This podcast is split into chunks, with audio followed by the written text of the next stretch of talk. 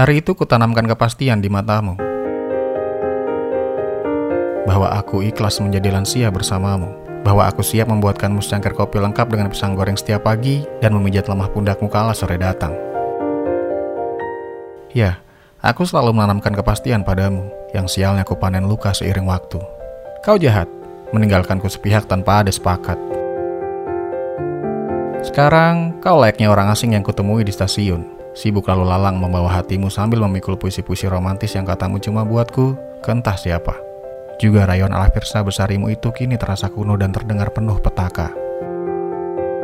Kau boleh menjadikanku tempat bersandar saat harimu padat dan berat sayang, katamu sambil mengusap rambut kepalaku di susul cium bertubi-tubi. Mungkin seseorang telah berhasil menyalakan kembang api di dadamu. Seseorang sukses membuatmu ceria sampai lupa waktu. Seseorang dengan segala apa yang dipunya mampu membuatmu mudah melupakanku.